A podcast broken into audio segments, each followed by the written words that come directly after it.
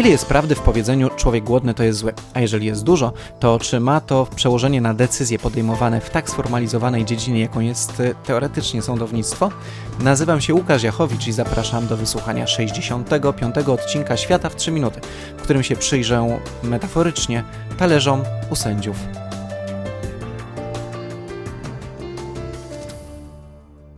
Prawo powinno nam się kojarzyć z czymś jednoznacznym, nawet jeżeli są w nim jakieś dwuznaczności, gdzieś tam są sędziowie, którzy swoją mądrością i doświadczeniem dopilnują, by sprawiedliwości stało się zadość.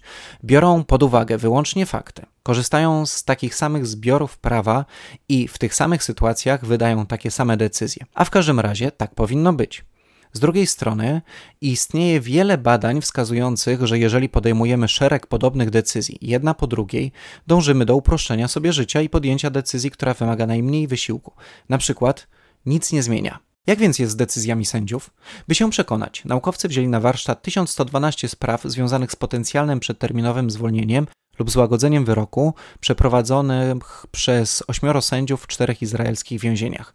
Badacze zajęli się nie tylko zbadaniem decyzji sędziów, ale też nałożyli je na siatkę czasową. W ciągu dnia sędzia ma dwie przerwy na posiłek, który jest jednocześnie czasem odpoczynku. W związku z tym decyzje są podejmowane w trzech blokach czasowych, oddzielonych od siebie kanapką czy innym obiadem. Jaki był efekt badania? Jeżeli chcesz złagodzenia wyroku, staraj się o to, by twój przypadek był rozpatrywany o poranku lub zaraz po przerwie. Szansa na korzystną decyzję spada w ciągu dnia z 65% zaraz po przerwie do blisko zera tuż przed kolejnym posiłkiem. Zaraz po przerwie szanse sukcesu znów rosną do 65%.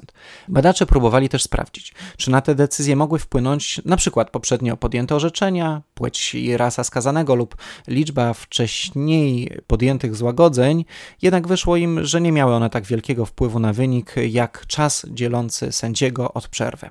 Podsumowując, im dłużej sędziowie pracowali nad podobnymi sprawami bez przerwy, tym częściej podejmowali decyzję o utrzymaniu status quo. To wiedza istotna dla każdego z nas. Gdy musimy podjąć ciąg podobnych decyzji i ich wynik jest dla kogoś istotny, zaplanujmy częstsze przerwy dla brzuszka i umysłu. No i pamiętajmy, że zaczął się nowy rok szkolny. Za kilka tygodni studenci wrócą na uczelnię. Przed częścią z Was sezon egzaminów, kartkówek, kolokwiów. Może warto się zastanowić nad batonikiem dla nauczycieli? I to tyle w 65. odcinku Świata w 3 minuty.